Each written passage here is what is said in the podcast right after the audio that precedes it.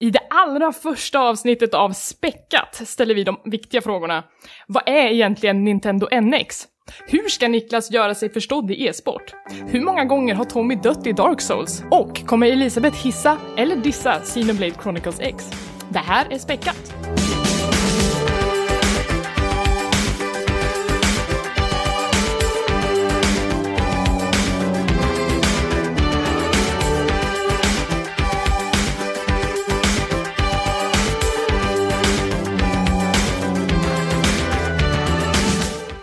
Välkomna till Späckat, en podcast där vi pratar om spel och allt runt omkring. Eh, Det här är en alldeles ny podcast. Vi eh, planerar att släppa den ungefär varannan vecka. Eh, Och med mig har jag Niklas. Hallå, hallå. Hej och Tommy. Hej! Hej! Och jag heter Elisabeth och vi ska prata om spel i alla dess former. Eh, Niklas, kan inte du berätta lite vad du eh, gillar för slags spel? Eh, jag gillar spel som är ganska lätta att komma in i. Och då ska vi då säga att det är både tv-spel, dataspel och brädspel. Eh, alltså inte spel som tar liksom för lång tid att läsa igenom en tjock regelbok. Jag tänker främst på typ så här brädspel som Pandemic Legacy som vi höll på att sitta och hålla på med sistone. Man aldrig blir klar med, utan det ska gärna vara lätt att komma in i. Eh, eller är det någon speciell genre du är ute efter? Nej, bara det du gillar. Vad spelar Ja. du helst när du kommer hem och är trött efter en dag på jobbet? Det kanske inte är det bästa sinnesstämningen, men, men ändå. Ja, jo men faktiskt. Just nu är det ju Stardew Valley som eh, tar upp all min tid. Det är väldigt varmt och inbjudande. Och vad spelar du sen när du vill bli utmanad? Då spelar jag Hyperlight Drifter. nu går vi igenom hela Ja. eh, agendan här för dagen. Så vi kanske återkommer till det se- senare. Men eh, gärna, en- gärna en bra blandning får det vara. Tommy då, vad spelar du helst när du kommer hem en dag från jobbet? Eh, ja, bra fråga. Jag känns som jag liksom kastas eh, mellan olika genrer. Eh, just nu är väl, eller just nu, det har varit inne de två senaste åren, sån här virtual game novel, där man mest sitter och läser och var 40 minut gör något slags litet, litet val som ska påverka den här storyn man sitter och läser igenom. Typ, ja, Danganronpa-spelen eh, är väl ett exempel kanske. Men eh, ja, sen annars vill jag andra spel också. Jag sitter ju just nu och spelar Dark Souls 3 till exempel, som vi också kommer att prata om lite mer om senare. Det, är, är det ditt utmaningsspel då, när du vill liksom ha en liten fight? Nej, utmaningsspel om jag vill ha en liten fight, då, då spelar jag nog hellre eh, något local-spel med mina vänner faktiskt. Eh, för att försöka bevisa att man, man är på toppen, men man, man går ju alltid ut som förlorare nästan. Det finns nog inget spel som jag slår mina vänner på. Alltså. Själv då, Elisabeth? Eh, ja, när jag kommer hem från jobbet så gillar jag att spela typ Stardew Valley eller Hearthstone, någonting som går långsamt och där man inte behöver tänka så mycket. Kanske något eh, rollspel där man bara får mata lite. Eh, men när jag vill bli utmanad då spelar jag gärna till exempel eh, single player-uppdrag i Starcraft 1 och 2 till exempel. Ehm, men också fightingspel är ju ganska roligt för den delen. Så det, ja, men, men det är också så här, det är en himla blandning. Alltså jag försöker då ta igen ganska mycket spel som jag har missat. Så det känns mest som att jag sitter med, med en stor backlog som jag måste beta av. Det här blir ju någon slags lite kort presentation över alla oss tre. Jag, jag tror säkert om några avsnitt eller kanske om några minuter så kommer nog eh, våra lyssnare känna oss lite bättre vad vi typ gillar och inte gillar. Ja. För det är väl det vi ska prata om i den här podcasten. Eh, först eh, så tänkte jag att vi skulle prata lite om, om en nyhet som har kommit eh, från Nintendos håll. Niklas, vill du briefa lite vad det är som har hänt? Ja, eh, fansen, Nintendo-fansen har ju inte haft det så himla lätt på sistone, känns det som. Det har inte varit liksom...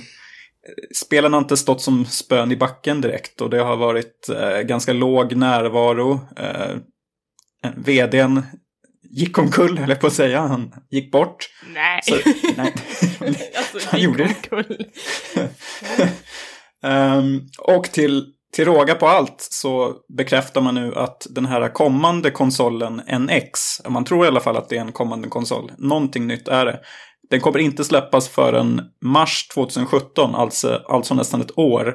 Och ehm, eh, det sista hoppet då var ju att ett nytt Zelda-spel i alla fall skulle komma och eh, ge lite ljus i tillvaron. Men det är också uppskjutet till nästa år. Och Så- kommer släppas till både Wii U och till NX. Precis, så det är samma scenario nu lite som hände när eh, GameCube sjöng på sista versen var det va? När, Med Twilight Princess. Twilight Princess, precis. Att det blev istället, det släpptes ju till GameCube men blev också en typ av liksom, dragplåster för eh, Wii. Vilket väl gjorde att man kände sig kanske lite lurad om man hade köpt en GameCube främst för det här Zelda-spelet. Vilket jag misstänker att eh, folk som nu sitter på en Wii U kan känna att man kanske kunde ha skippat den helt och hållet och köpt, väntat på en NX. Eller hur känner ni två? För jag har ju förstått att båda ni två är stolta ägare av Wii U's. Jag tycker att det här, det här flacken som, som Wii U får är ganska oförtjänt. Jag har haft väldigt, väldigt roligt med mitt Wii U. Um, jag kan hålla med om den här besvikelsen som folk har, att man går i så här spelbutiker och ska titta på vad finns det till Nintendo-konsolen nu? Och så är det alltid typ så här Super Mario 314. Eh, men, men det har faktiskt kommit ett gäng guldkorn och jag vill till exempel eh, slå ett slag för Splatoon. Eh, underbar eh, multiplayer-spel, skjutare med bläck, eh, som är typ ett av Nintendos nyaste IPn. Och det är alldeles, alldeles fantastiskt. Um, och sen så har, har jag ju spelat en hel del Xenoblade Chronicles X som vi kommer att prata mer om senare och uh, vi har också liksom sitter med Bayonetta 1 och 2 och liksom sådana saker. Så att, eh, även om det inte har varit så många spel så tycker jag ändå att det har varit en, en hög nivå på i alla fall det som jag har spelat. Jag har ju köpt eh, Wii U-konsolen enbart för, eh, ja precis som anledningen att jag köpte Wii-konsolen är att det är en extremt bra konsol att ha hemma och eh, få över lite polare om man ska spela lite local Ja, spel på. Eh, helt ärligt, både Playstation och Xbox One är ju helt värdelöst, tycker jag i alla fall, när det kommer till eh, det här. Alltså lo local spel som ska vara roliga. Men... ehm, Alltså Kart och, Kart och Smash är ju helt fantastiska. Ja, men, men de, de spelen vi, vi har köpt, jag och mina vänner, har ju alltid slutat i någon slags här misär nästan. Eh, senaste spelet så köpte vi hemma med kontroller och alla var jättepeppade då vi köpte liksom senaste Mario Party. Och det slutade liksom att ja, vi bara låg på golvet och undrade vad, vad är det för något vi har varit med om. det, det var ju en sån otrolig besvikelse. Jag är ju uppvuxen med de här Mario Party-spelen och mm, vet inte om det är någon slags inbildning man har att man gillar de här spelen. Men det, det här var bland det värsta jag hade kö- körde i år. Splatoon har jag förstås inte provat, men eh, annars är det ju Mario Kart eh, 8, det är ju fa- favoritspelet. Och det bästa Mario Kart-spelet någonsin, skulle jag säga. Ja, det är grymt. Ja, det är helt underbart. Men jag, jag vet inte, sen, sen den Nintendos nya konsol, jag, jag är inte så jättesugen på ett nytt Zelda-spel faktiskt om jag ska vara ärlig. För alla Zelda-spel har väl sett ut likadant känns det som. Är det inte att du ska hitta den där bumerangen och bomben och sen är det liksom travar du vidare till det här eldpalatset och, och så ska du hålla på att höja och sänka vattennivåer i vattenpalatset. det känns som det är en väldigt eh, upprepning av de här spelen. Nu i kyrkan säkert, Nintendo-kyrkan, jag kommer få lite mindre glada mejl på grund av det här kanske, men det tar jag. Jag står för det i alla fall. Ja, nej, men, nej, men jag förstår också hur du känner, men det ju, finns ju något stort i att det kommer vara ett open world Zelda för första gången. Bara den här demofilmen när de sa att bara, hästen kommer inte springa in i träd, för hästar gör inte så. Man bara, det är klart de inte gör.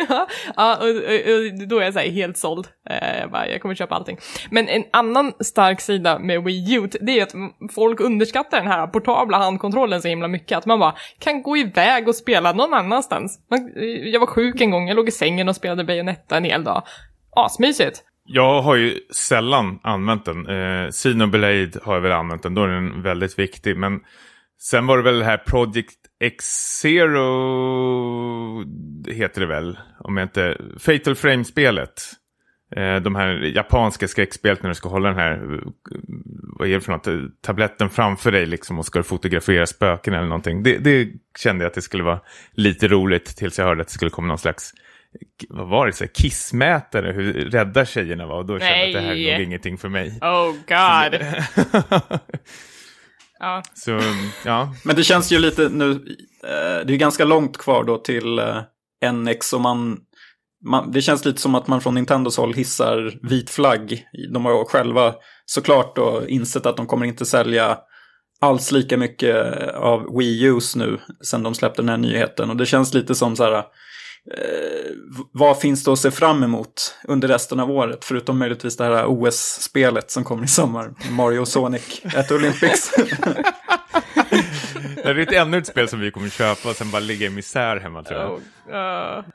Eh, men, men det finns ju ändå något positivt i att eh, det, den NX kommer inte behöva konkurrera med kanske nästa generation av Xbox och Playstation utan det kommer komma lite för sig. Och det tror jag kan vara en fördel. En, en, fråga till er om den nya konsolen då. Det har ju ryktats väldigt mycket om kontrollen och gått väldigt mycket spekulationer och fake-bilder och sånt där. Vad hoppas ni på? Kommer att det ska vara med en traditionenlig kontroll eller att de ska ha någon slags gimmick-grej i det hela. Typ som de haft på Wii U. Wii U. Det senaste ryktet jag har hört är att de kommer skippa motion-grejen. Alltså den kommer inte vara lika bärande som den har varit i Wii och Wii U.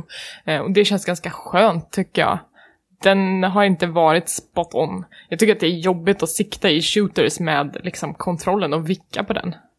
Så det, om det är sant så ska det bli skönt att slippa det. Jag kollar ju alltid upp om eh, man kan spela med Pro-kontrollen innan jag köper ett Wii U-spel. Och om man inte kan det, då, då skiter jag i det. Du då Niklas? Ja, jag vill ju inte ha något sånt där viftande. det, har, det de liksom gjort det de kan med. Hellre de får gå tillbaka till den här liksom, Nintendo 8-bitars kontrollen eller någonting. Full circle. Gå tillbaka till retro. Gör någonting där. Svårt att spekulera. Det, det, finns ju de som tror att det inte är en konsol ens, utan att det är typ en, en mobil eller någonting. Ja, mycket mobilt på gång. Jag, eh, jag vill ha Mitomo i Europa. Det är det enda jag vill ha i julklapp. Ja, ja, men det går ju åt det hållet känns det som, så det är inte helt otroligt. Mm. Ja, jag vet Luktar mik mikrotransaktioner på lång väg här tycker jag. Men jag kommer köpa ett NX för att jag är en sucker för Nintendo. Jag kommer köpa allting de släpper någonsin. Så är, så är det bara. får du bjuda över oss så får vi provspela innan vi köper det. Absolut.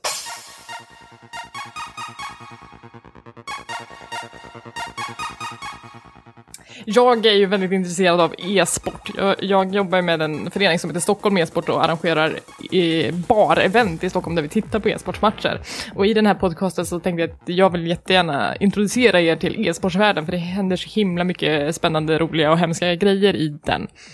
Eh, hur känner ni inför det? Ja, jag, jag kan ju bara prata för mig själv. jag, jag, jag är ju en typisk sån som, om jag skulle vara med i någon e-sport eller börja köra seriöst, så är jag en perfekt eh, eh, spelare att sätta på avbytarbänken.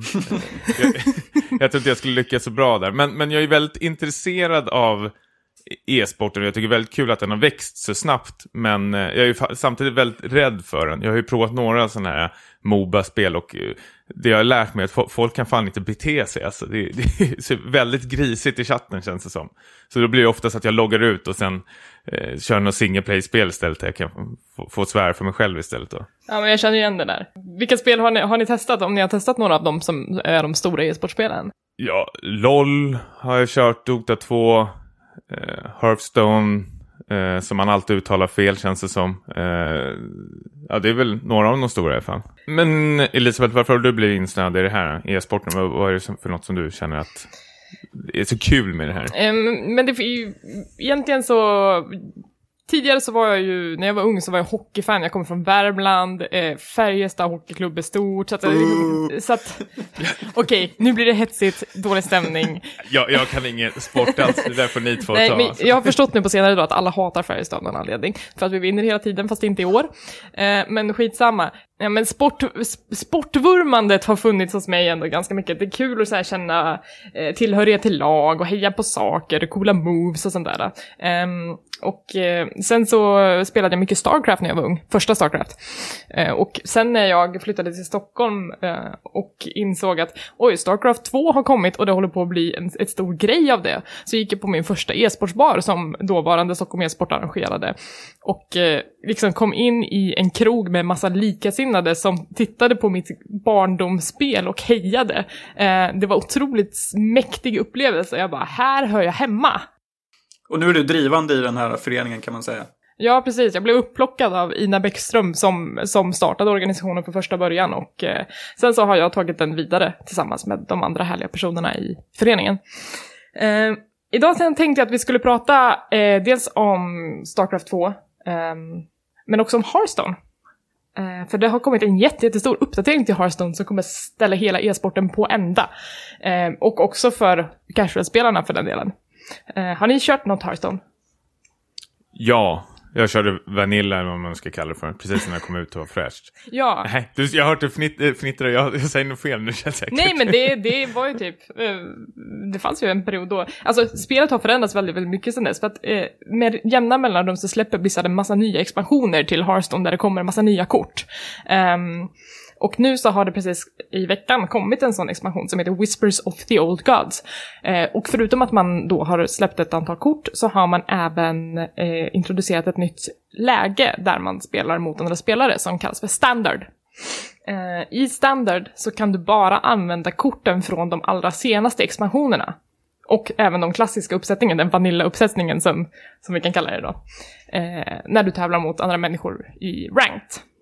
Um, och det här har man gjort för att nya spelare ska komma in i det lite enklare, att du inte ska ha så 800 kort att ta igen för, en, för att du ska kunna stå dig på lädern mot andra människor.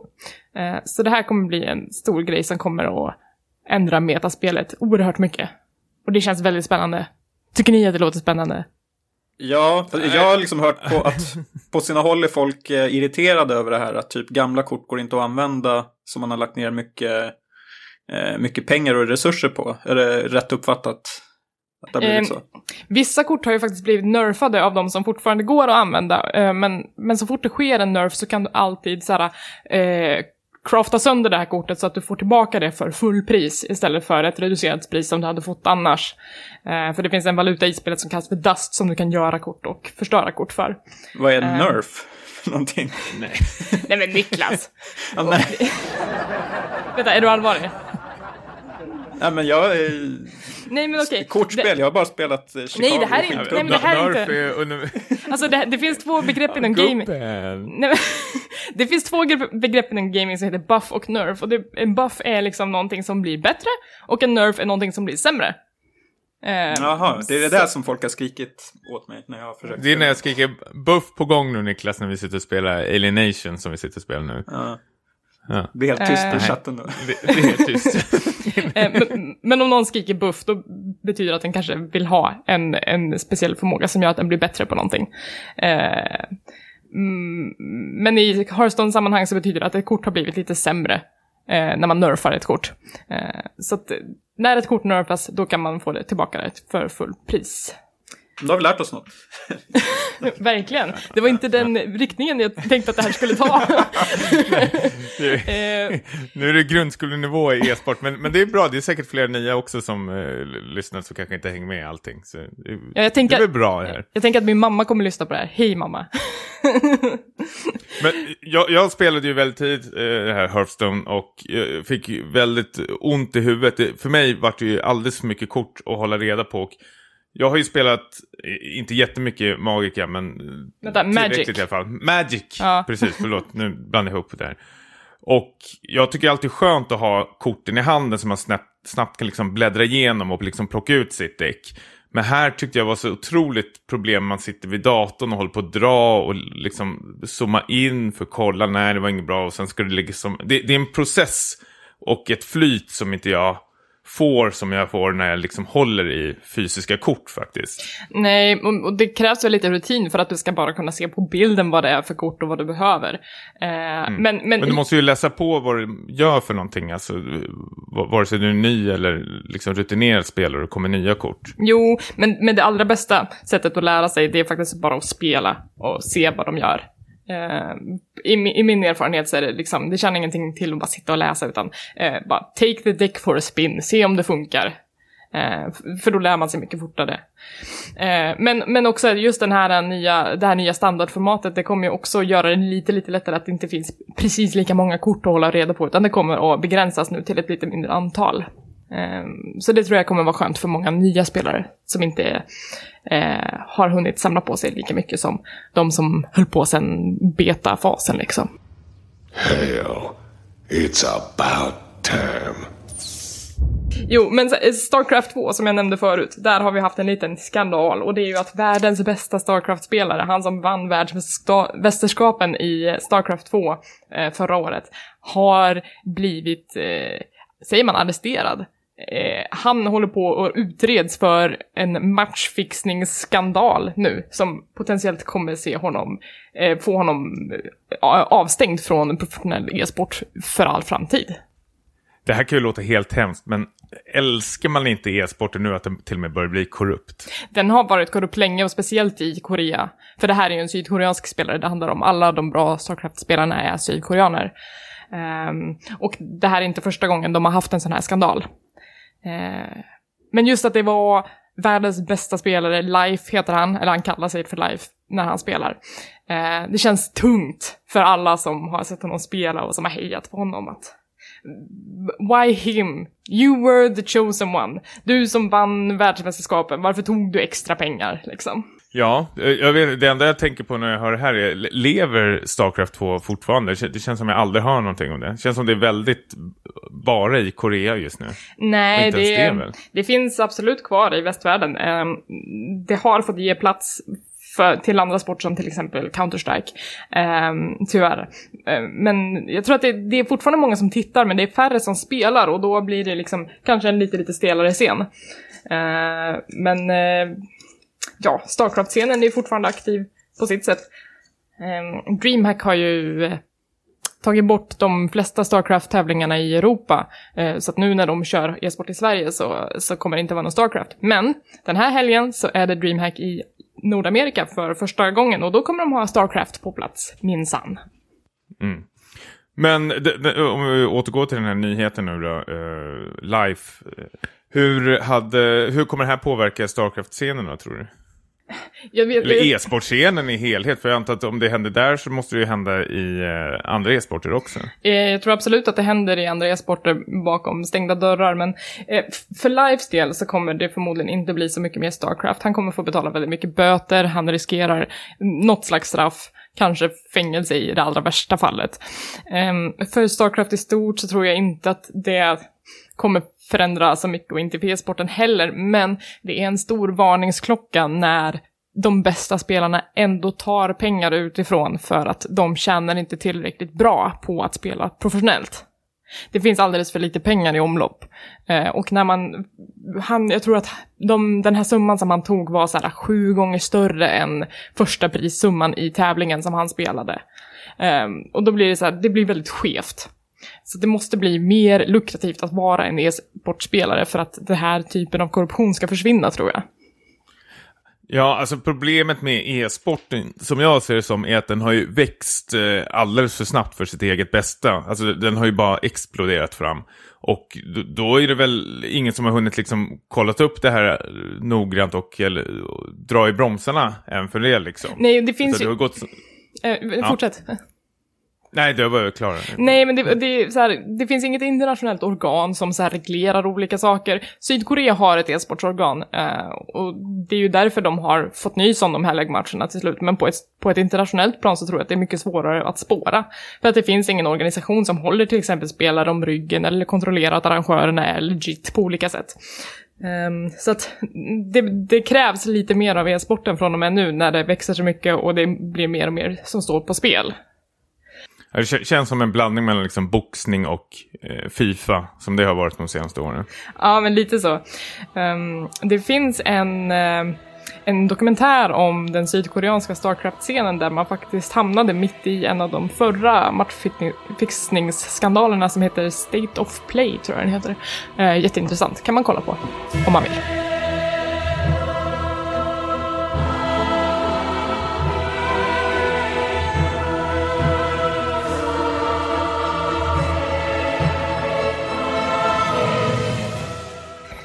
Så om vi går vidare då, vad har ni, vad har ni spelat för spel den här senaste tiden?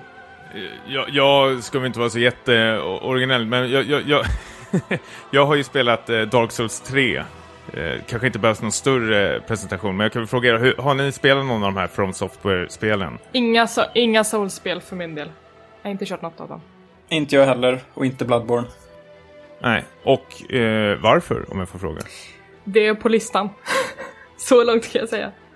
Ehm, jag har haft jättemånga kompisar som har rekommenderat det varmt till mig och det känns som ett projekt, men jag kommer nog ta mig an det någon gång. Ja, för min del har det ju varit lite den här, man har känt sig lite avskräckt för att det ska, det är så mytomspunnet hela den här serien för att vara extremt svår. Och ni har ju nästan, eh, Tommy, du och våra spelkompisar har väl nästan typ avrått mig från att försöka på det. För att det skulle vara som att kasta det pengarna har vi i ju verkligen inte. Vi har ju sagt tvärt emot att du bör ju eh, prova det. Särskilt Bloodborne nu när du har köpt en eh, Playstation 4. Ja, så kanske det var. Jag, jag kommer att tänka på The Witness som jag köpte och spelade en halvtimme av. Där sa ju du verkligen Tommy att det var det här har du kastat pengarna i sjön. Ja, men du, du gillar ju inte att ha saker framför dig där du bara ska sitta och klicka runt. Men eh, jag, jag tror mer ett eh, tredjepersons äventyrsspel som Dark Souls är väl lite eh, mer för er. Men, men det, det är helt rätt, det här är ju någonting som har fått stämpeln ska vara så här sjukt eh, jävla svårt. Jag ska vara helt ärlig, jag spelade Demon Souls och Dark Souls eh, första spelet och körde väl kanske en halvtimme, timme av de båda och tyckte verkligen inte om dem. Kände på direkten att det här är inga spel för mig. Eh, det, det, det är mest settingen som jag avskyr så jävla mycket. Medieval-grejen, riddare och allting. Så jag tänkte så här, det här kommer jag aldrig spela. Sen kom ju Bloodborne och då helt plötsligt vart det, förflyttade vi oss till någon slags viktoriansk miljö. Inspirerad av typ H.P. Lovecraft-monster. Och då var jag tvungen att prova det här och jag kommer ihåg de första tio minuterna. så är det ju verkligen att eh, få mig upp den här stora, feta, blodiga texten You died, eller vad det står. Och så känner man typ så här, yes, nu, nu, är jag, nu är jag inne i spelet. Men det, det jag älskar med eh, Bloodborne som jag kör igenom och eh, för mig var det fjolårets bästa spel och därför kastar jag med Dark Souls eh, 3 nu är att det spelas inte som ett spel traditionellt ska spelas, i alla fall inte som den här tredjepersons hack and slash, utan det är det är svårt i början, det är det verkligen. Men sen när man fattar hur spelet vill att man ska spela så tycker jag faktiskt att det liksom rullar på ändå. Jag skulle vara helt ärlig, när, när jag hoppade in i Dark Souls 3, jag, den här första nivån man kommer till, vad man skulle kalla det för. Jag, jag, jag, jag tror jag dog kanske 40-50 gånger tills jag liksom kom igång i den här rytmen som man vet att ah, okej, okay, det är så här man ska spela. Jag spelade liksom The Division innan och då är det mest bara liksom duck and cover och liksom skjuta, skjuta, skjuta, spring fram. Men i Dark Souls kan du inte göra det. Och då är det väldigt mycket liksom att man ska läsa av sina motståndare och kunna lära sig parera de här attackerna. Och det ger ju så extremt mycket eh, som spelare när man lyckas ta sig igenom de här höga trösklarna som spelet har. För sen ändå tycker jag ändå det rullar på rätt så bra. Det låter som någon har en fråga på gång. Jag har lite av en fråga på gång. Alltså är det inte så, som jag har förstått det, att Souls-spelen känns mycket så himla eh, rewarding, alltså du känner belöningscentrat eh, i hjärnan blir så stimulerat när man klarar eh, saker i Dark Souls. Mm. Alltså det, det, det, jag älskar med de här spelen är, är ju eh, bossarna. Och de, de, de, kan jag hålla med om. De är extremt eh, jäkla svåra. Och, men de är så sjukt eh, episka samtidigt. Så det är ju till och med att de här Dark Souls-fansen är så sjukt känsliga när de här spelen kommer ut. Att man vill inte bli spoilade vad det är för typ av bossar och hur de ser ut och Mhm. allting. Så när man kommer in i det här rummet, dörrarna stängs, man kan inte ta sig ut eller någonting. Så kommer det här sjukt stora jävla monstret som det oftast är. Eh, som, som oftast har någon så här vanställd eh, design över sig. Och så tänker man, det första man tänker, hur fan ska jag kunna dräpa den här jäkeln? Och ja, då gör man som alla andra, man dör på direkten.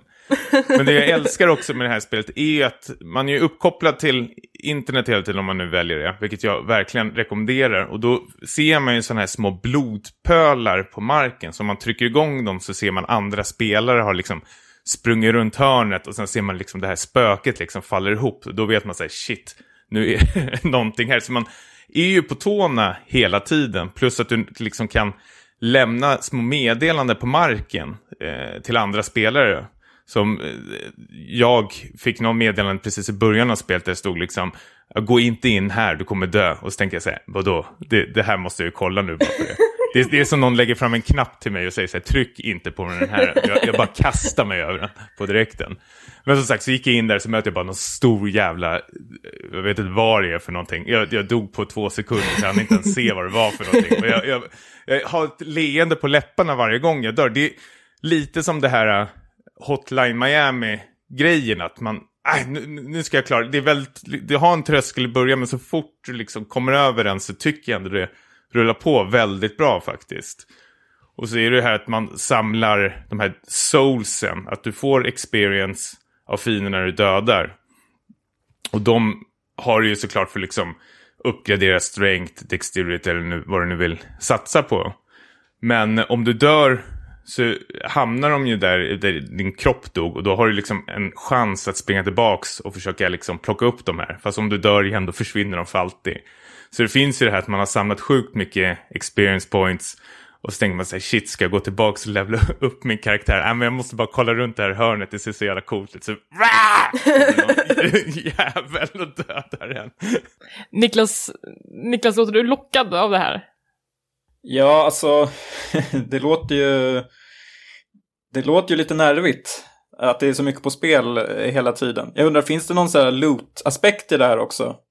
I att man... Alltså det enda du skulle loota, det, det är ju att du har de här souls and experience points. Självklart finns det ju vapen och sånt som eh, du kan hitta, upp, hitta och uppgradera. Men det är ju inte liksom i Diablo Eh, liknande att du hittar ett lila eller blått legendary rare item. Utan de är lite utspridda men i, i slutändan, alltså du skulle kunna spela igenom med den utrustning du börjar spelet med och klara igenom hela spelet. Utan det har ju mer som spelaren och hur man har kontroll över sin karaktär. Och det, där har ju också en helt sjukt bra grej. Det, det här är ju ett av de spelen som har den bästa kontrollen i ett spel känner jag. Varje gång jag dör så känns det alltid som att det är mitt eget fel och inte spelets fel. Det är fan en av mina main invändningar mot Division. Alltså, det hände gånger då jag kände att det här var fan inte mitt fel.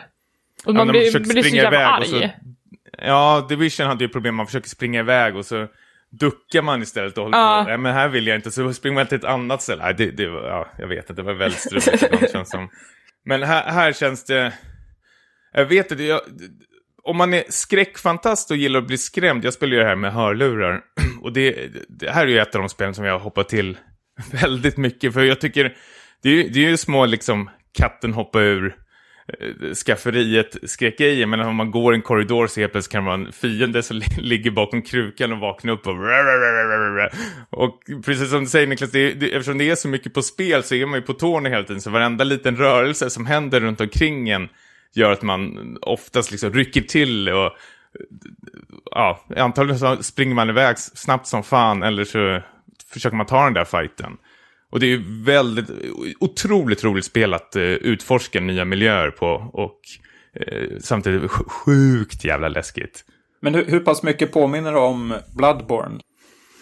Uh, alltså, jag skulle säga så här, monster, det, det jag varit lite besviken på i början var att liksom, ja nu slänger vi ut lite skelett och eh, så är det någon drake där och någon stor riddare, så tänkte jag, åh, oh, gäsp. Men sen, desto längre in du kommer i spelet så liksom ballar ur i eh, monsterdesignen och blir lite mer eh, Bloodborne-aktigt. Det känns liksom som Bloodborne och de tidigare Dark Souls-spelen har liksom fått barn ihop och tillsammans blir det här Dark Souls eh, 3. Eh, jag skulle vilja ställa det du säger om Dark Souls i, i motsats mot eh, ett spel som jag inte spelat nyligen men ändå så här, hyfsat nyligen och det är Sveriges gullegris Mirror's Edge. Eh, nej men alltså det, det är verkligen så de bara, åh DICE är så duktiga, de har gjort Mirror's Edge, det var en kvinna i huvudrollen, man bara, ja men det var inte, det är inte så jävla roligt alla gånger. Eh, och, det, och det känns som att det saknar allting som, som Dark Souls verkar ha. Eh, Alltså, Mirror's Edge är ju ett parkourspel där det är meningen att du ska såhär, eh, bemästra olika hopp och klättergrejer och slag och sparkar eh, och ta dig igenom en stad och springa ifrån eh, någon konstig eh, alltså polisstyrka av något slag. Eh, men, men problemet med, med Mirror's Edge är att du får ju aldrig det här flowet. Du känns, det känns sällan som att man har lärt sig någonting. Och när man kommer vidare äntligen ifrån ett ställe som man, man har varit fast på hur länge som helst, så, så hamnar man bara i ännu en knipa. Det blir liksom aldrig att man känner att bara gud vad skönt att jag klarade det där, nu, den känslan kan jag leva på ett tag, utan det blir bara liksom nästa problem. Men, men, men Dark Souls verkar ändå ha eh, har liksom hittat en fin balans där mellan att man blir utmanad och sen belönad. Ja, ja men precis. Alltså, Mirror's Edge, jag har ju spelat 20 minuter av det, så jag är inte väl helt eh, superbekant med det på det sättet. Jag, jag tyckte ju inte om det, det jag spelade, men eh, Ja, jag vet inte hur jag ska svara på din fråga. Nej men det, då, men det känns som att de vill, alltså DICE ville göra, eller uppnå det som Dark Souls Mm. har uppnått i en parkour-setting, men de, de snubblade ju på mållinjen, eller jävligt långt innan mållinjen egentligen. Ehm, så att det, den upplevelsen har ju skrämt mig lite ifrån de här svåra spelen. Ehm, Ja, okej. men, mm, men som jag har förstått det så, så tacklar eh, Souls-spelen det på ett mycket, mycket bättre sätt. Ja, alltså eh, eh, återigen, Souls-spel, eller Dark Souls 3 då, är, och många har ju sagt att det tydligen ska vara det svåraste i, i serien också. Som sagt, jag har ju bara spelat lite av Demon Souls och Dark Souls 1. Men det, det är svårt, men jag tror inte någon spelare kommer ha, alltså till och med casual-spelare kommer ha några problem att komma in i det om man bara ger det lite tid och fattar liksom, okej, det är så här spelet vill att jag ska spela det och så får man bara anpassa efter det och så, sen blir det sjukt kul, kan vi säga. Men för- nu var det Mirror's Edge, Niklas, är inte det här din gullegris nästan? Är det okej att vi håller på att prata skit om det här? Nej, jag sitter och kokar inombords nu för att eh, inte, få, inte få komma till tals här. Nej, men eh, ja, ska, det var jättelänge sedan jag spelade det, så jag vet inte riktigt hur jag ska bemöta det. Men jag kan ju hålla med om att eh, det var ju, kändes ju som ett roligt och bra spel när man verkligen gjorde så som utvecklarna ville. Alltså att man följde den här utstakade vägen. Eh, Men om du försökte dig på någonting annat då dog det ju väldigt snabbt. I synnerhet på de senare nivåerna. Så det är ju väldigt linjärt. Och innehöll en hel del trial and error. Inte så mycket eh, utrymme för att experimentera. Men jag gillade väl däremot Eh, den här estetiken och den lite eh, sköna musiken som gjorde att jag... Jag tyckte det stack ut på ett bra sätt när det kom. Men eh, samtidigt har jag inte känt mig sådär superpeppad på den här uppföljaren. Jag vet inte riktigt... Ja, ni kanske tycker att det finns utrymme för förbättring. Helt klart finns det utrymme för förbättring. Men, men eh, alltså, jag hoppas att DICE insåg vad de, vad de kunde förbättra och att de faktiskt har lagt tid på det i Mirror's Edge Catalyst som nu kommer i juni. Eh, jag, det har kommit en beta men jag har inte spelat den. Jag känner att jag vill nog hellre vänta på ett färdigt spel. Mm. Eh, Jag kommer nog hoppa det överhuvudtaget. Det här är inget... Alltså, det, det, det är någon... Bara det där ordet parkour gör mig så här... jag, jag blir alldeles så tokig. Jag tänker på den där The Office-scenen. De har, så här parkour-dag och de håller på att springa runt och hoppa bland möbler. Liksom. Det, det kryper i kroppen på mig. Ja, vad- Niklas, vad har du spelat för någonting? Nej, men jag kan väl fortsätta lite på den här eh, svåra spel, röda tråden då, med eh, Hyperlight Drifter som eh, är väl ett indiespel kan man säga, som har varit på gång ett tag. Eh, och det är ju skapat, det är ju lite speciella omständigheter bakom det här spelet, för han, eh, huvuddesignern, utvecklaren, Alex Preston, han har ju ett eh, Eh, han har ett medfött hjärtfel, så han har en väldigt så här, sviktande hälsa bitvis. Och det är ju det som bland annat har gjort det, att det här spelet har eh, dröjt lite.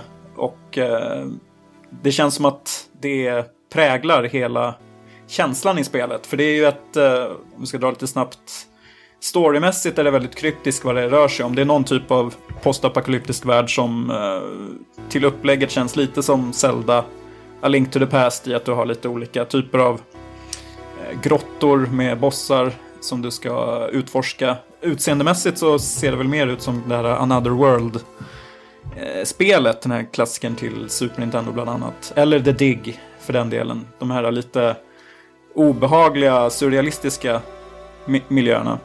Det ser ju grymt snyggt ut när man vill googlar på det. Det är fantastiskt snyggt och det låter fantastiskt bra också. Det är ju eh, Disaster Piece som eh, har gjort soundtracket. Just det, som i spelsammanhang eh, har gjort eh, Fess. Och, eh, men kanske ändå i filmvärlden It Follows. Den här lite indie-skräckisen då som har en väldigt... Eh, Fjolårets bästa film.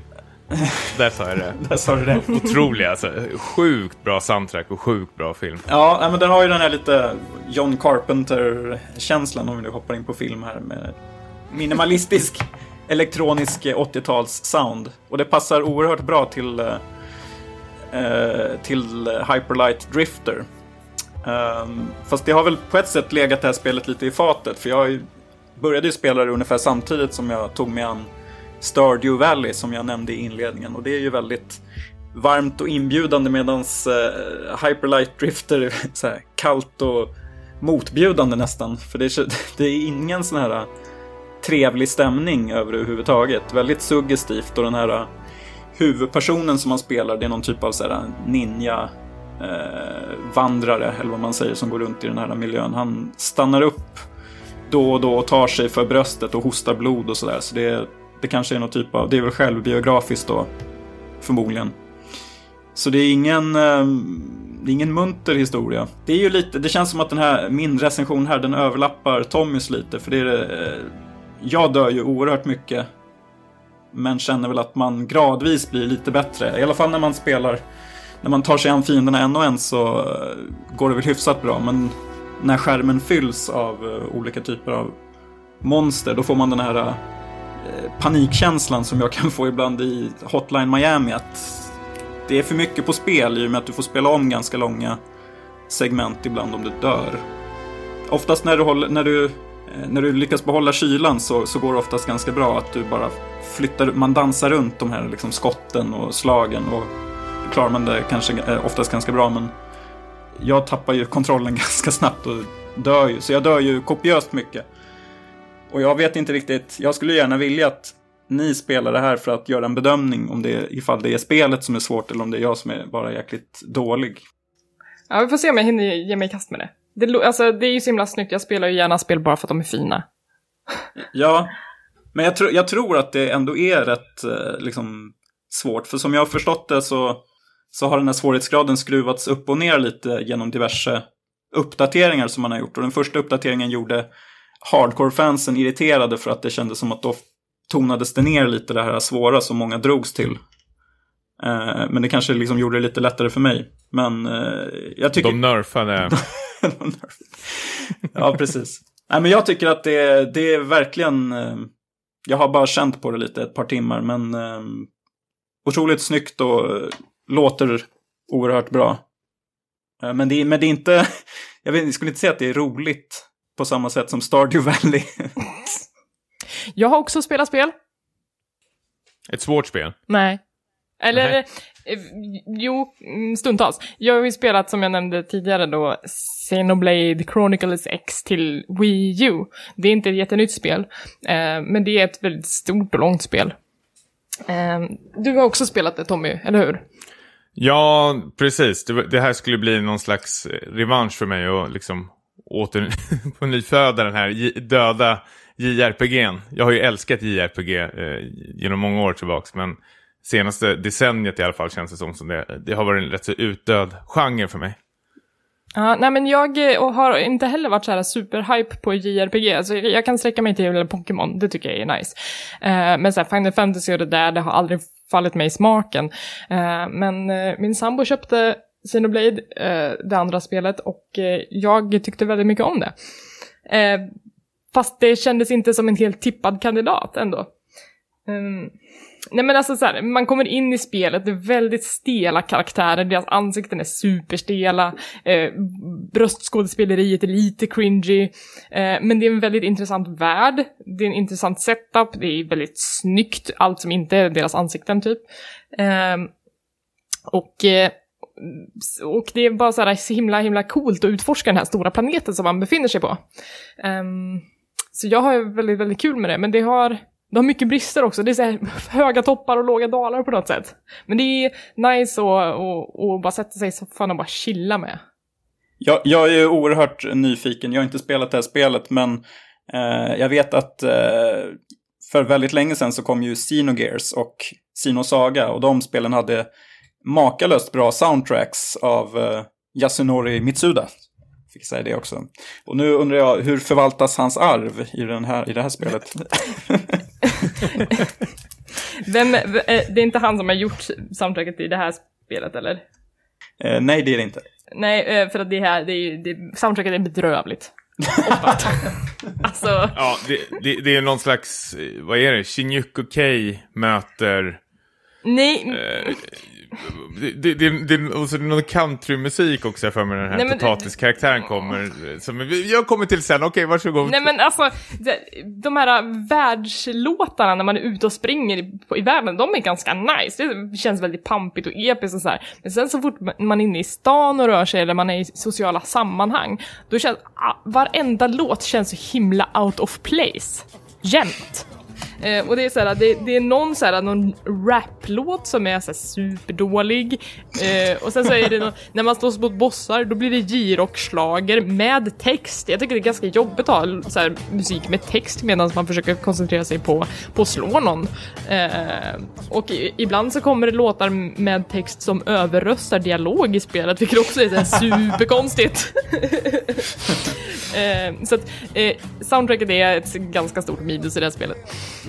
Eh, och sen, Alltså, det, ja, bara om jag får sticka in det lite snabbt. Det här blivit någon slags eh, trend i Japan att man ska sätta in de här poplåtarna i eh, särskilt rollspel. Då, då. Eh, vissa funkar väldigt bra, vissa funkar mindre bra. Xenoblade, precis som du säger, är helt eh, kaotiskt. Det, det, det känns som om har bara liksom signat ett kontrakt med någon galning och så kastar de in de här låtarna.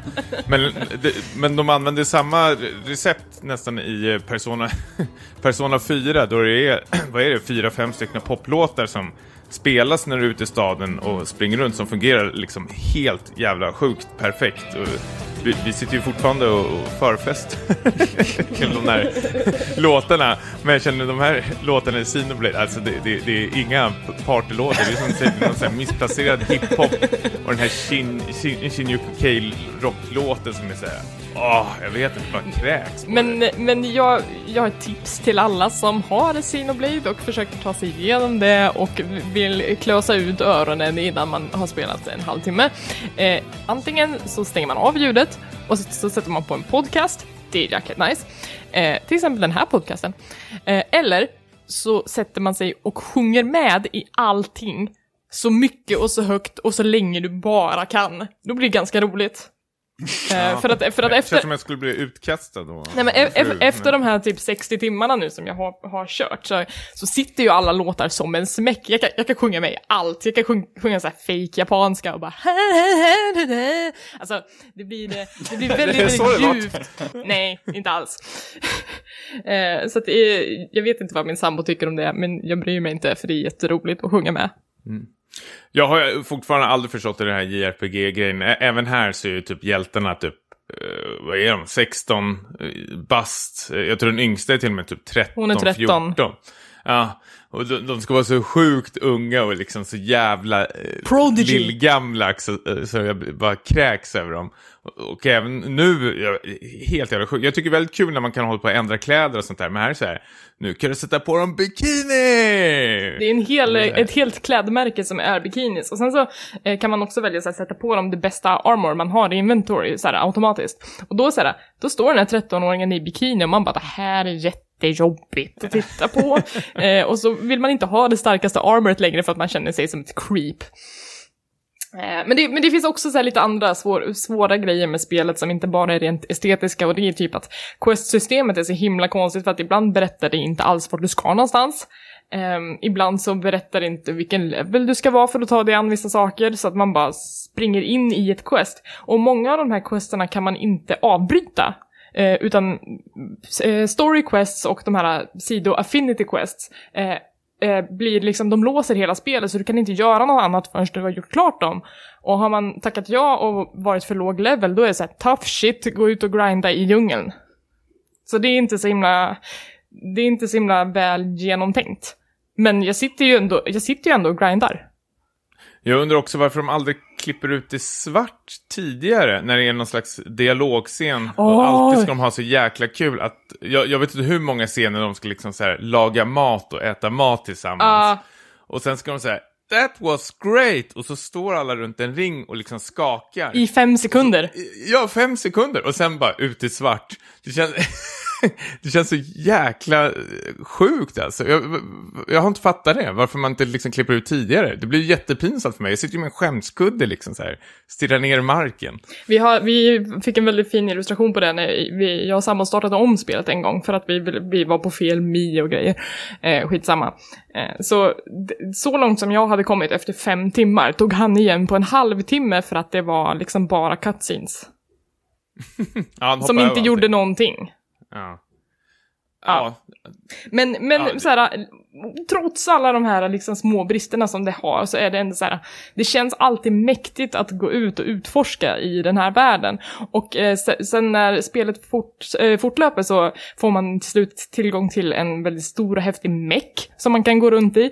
Och efter ytterligare lite tid så kan den här mecken börja flyga och då kan man helt plötsligt liksom tackla hela den här världen från luften och allting går att åka till. Det finns ingenting som är off limits utan eh, liksom allting är tillgängligt eh, efter en viss punkt i spelet. Så det är jäkligt, jäkligt mäktigt och det är massivt och jag har hört att världen är tre gånger större än den i Witcher 3 så att yeah, it's huge.